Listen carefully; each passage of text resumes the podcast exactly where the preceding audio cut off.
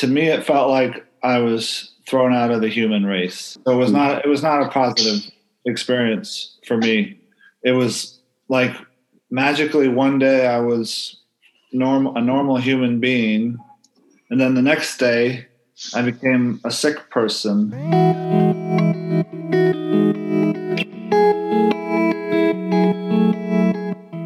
Welkom bij deze nieuwe aflevering van de Kantelcast.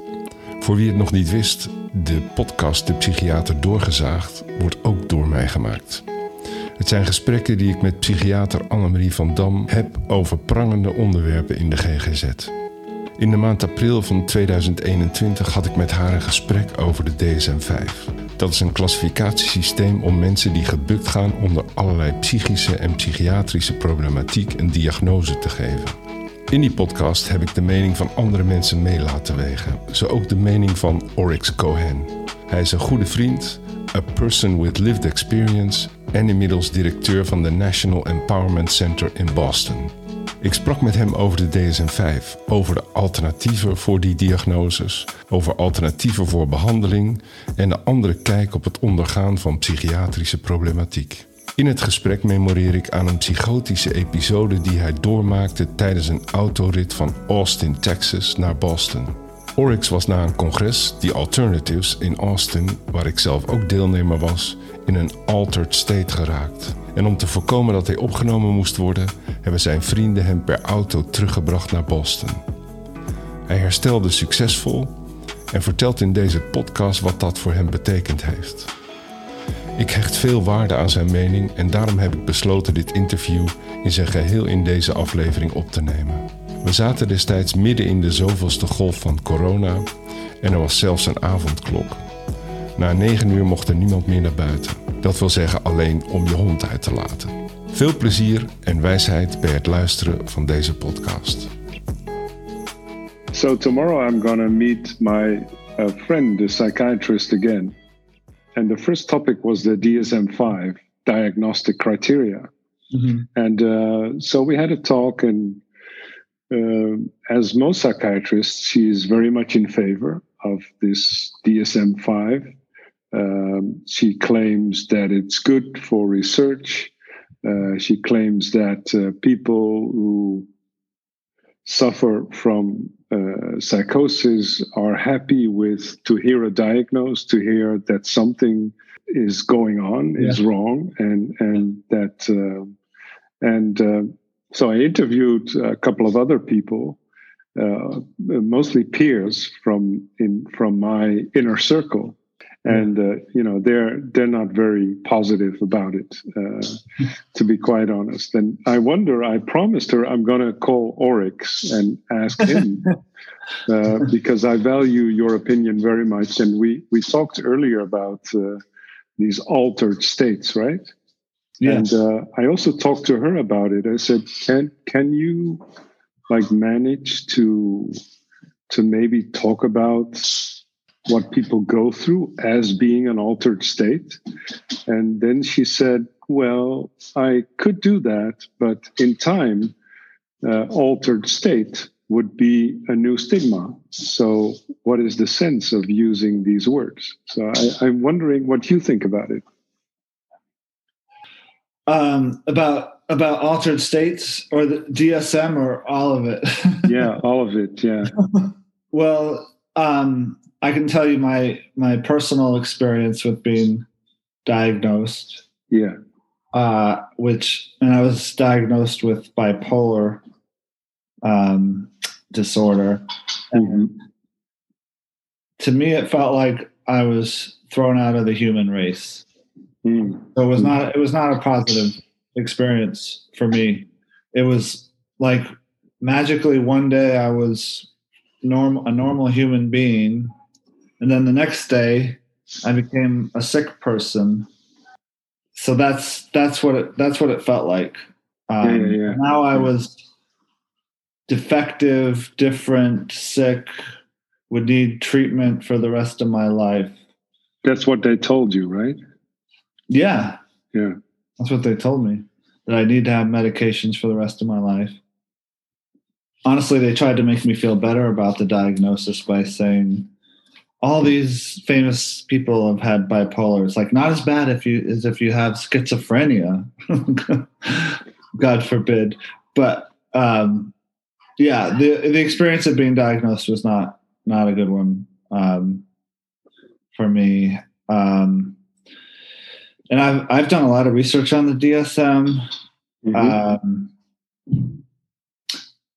it, it's it's not even considered valid by the NIMH, our National Institute for Mental Health, came out and said this is not this this has been researched and doesn't show that it's a valid uh, document, a valid way of um, looking at people, and some of those reasons are because if you present the same person to five different psychiatrists, you might get five different diagnoses.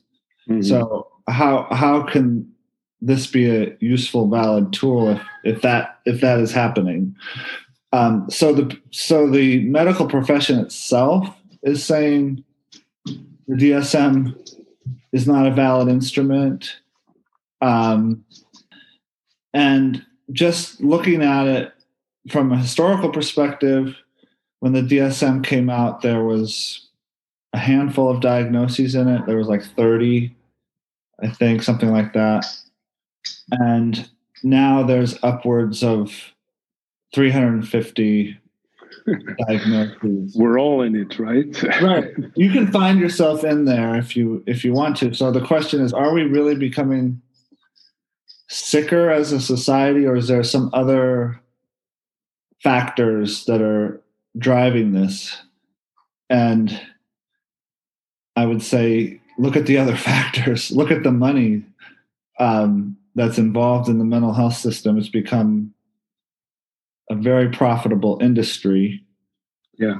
Um, so, yeah, I'm not. I'm not a fan of the DSM. I do understand why some people um, some people do uh, appreciate the diagnosis because they appreciate knowing that they're not alone, that there's a name for what they're going through. Um, but but you don't need the DSM for that.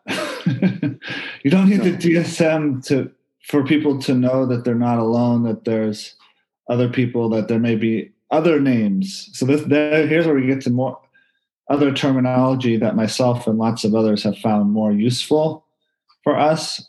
Um, I I do prefer the altered state language, mm-hmm. um, extreme state of consciousness. Um, I I like that language. Um, I I also like the term wounded healer a lot of us are end up being wounded healers. One of my friends, Russell, who I interviewed too, uh, interviewed too, he said uh, it's a spiritual state. You know, right. From from a lot of point of points of view, uh, even you know what you are doing with uh, ECPR and open dialogue, uh, you can totally reframe the experiences people have from being very bad to spiritual, right? Yes, yeah, that's and that's the way I look at these experiences. I don't um I, I do see them as more of a spiritual experience and and that's the way I look at my own experiences. Um and the thing about altered states or extreme states is it's different for whoever's going through it and there's a lot of different viewpoints out there from people who have lived experience. So um, I think a big problem with the medical model is that it's a one size fits all approach. So it says your issue is medical, and and that's it. End of story. Um, there's something going on in your brain, and you're different, and and here's some medication to, you know, it won't fix the problem, but it will make your life manageable. Yeah, yeah. Um, and um, so I'm not going to say that because I think my experience is spiritual, that that means everyone's experience is spiritual because then I'm kind of doing the same thing that the medical model is saying and saying there's one explanation. some people do feel like there's some physical, biological stuff going on. That's their interpretation. Okay. Some people feel like it's a spiritual experience and that's what's going on for them. Okay. Some people think it's um, a trauma response that uh, this is a reaction to some form of trauma that's happened uh, in your life. Um, there's actually a ton more evidence for that model than there is for the medical model. There's really convincing evidence for the trauma model. Um, should we say that every experience is caused by trauma? I still think that's a mistake because some people don't view their experience as caused by trauma. Some people say this is purely a spiritual experience. And um, for me, it was kind of a mix. I think that trauma was involved with the states that I went through. Um, you know, I had my parents divorcing at a very young age. I had a, an abusive basketball coach as a kid. Um, you know, I had some things happen. Um, and I very much feel like the experiences I had were uh, spiritual in terms of feeling just a greater connection to the universe and everything and everyone um, that has kind of stuck with me through it all. It's like I'm not I'm not afraid of that anymore. So some some of it was so overwhelming when I was going through it. I was just like, oh, I'm so special. Like no one's ever no one's ever experienced this before. This is amazing. And then you kind of get lost in it. Your ego takes over. Um, was was the experience with Daniel driving you back home from Austin important? Yeah, that was a that I've been through three of these altered states, or I even like to call them vision quests. Um, that's what more indigenous folks would would call mm-hmm. it. Um, and uh, yeah, that was um, that was an important experience because that was the first time that I was really allowed to kind of process what I was going through, and people around me were actually trained in emotional CPR. Um, and so I was encouraged to find the meaning in the experience um, which I think has been really helpful moving forward and probably a reason why I haven't had another experience like that since. I don't I haven't felt the need to you know travel in those realms. Um, I'm able to tap into the spiritual side without getting so lost in it. Mm-hmm. Um, but yeah, that was that was super important, and it, and it leads to another point, which is that people do as well as their community expects them to. That's a beautiful quote. Yeah. Yeah. and in the medical paradigm, we expect people to need treatment the rest of their lives, to probably get worse, to not work, to end up dying at a young age. And guess what? That's what's happening. We have, we're dying 25 years younger than the average person. We're 90% unemployed. Um, so if you think that's a success, I don't, I'm sorry. I don't know. I can't help you. Um, but if you're if you're in a if you're in a culture or community that sees your experience as potentially a gift to the entire community. And if you look at indigenous cultures who treat these experiences like that, not everyone who goes through these experiences is going to end up being a wounded healer or a shaman or that type of thing. But if you view the experience as important, as having some meaning, then lo and behold, you see people live up to that. You see people, oh, I can, I can uh, process this vision that I had or this wild experience that I have. And, and even some indigenous cultures, that's the most important experience of their whole life. And they even go through it on purpose. that's what a vision quest is with a guide.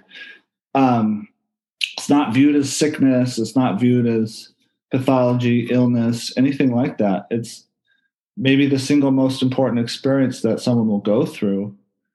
That's often where they get their name, um, their direction, in life.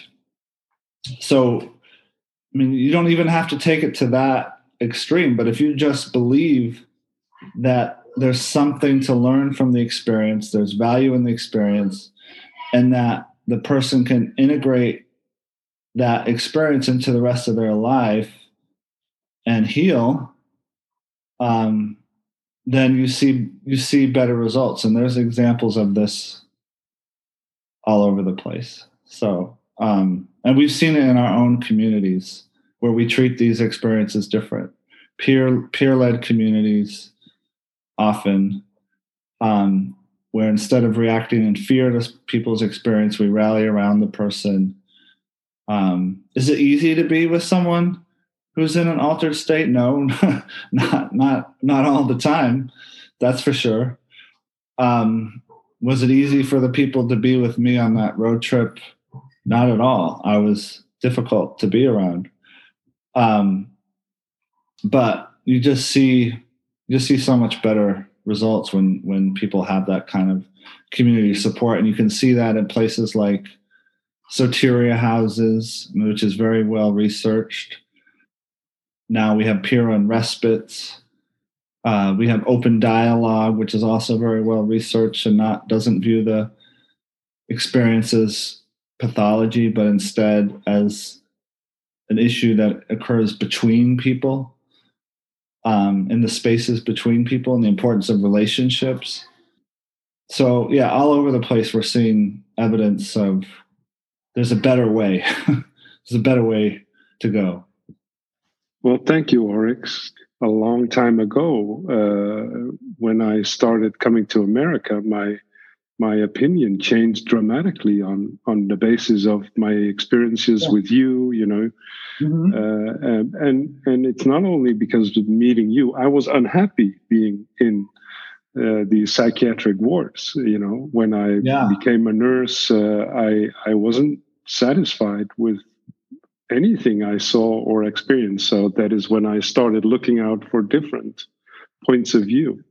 Yeah. And um, and you know you know i value your opinion and daniel and all the other i don't know how many friends i have now in america. So and mostly these people are from the peer movement. So well we we love you here so well i do love you too so thanks so much oryx and uh, you know i let's stay well in this period and uh, yeah. i hope I, I see you again Take care, Oryx. It's nice talking yeah. to you. You too. Thanks for including me in this.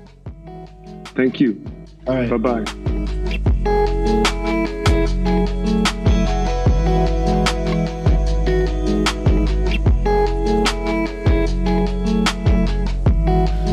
Luisteren naar deze aflevering van de Kantocast.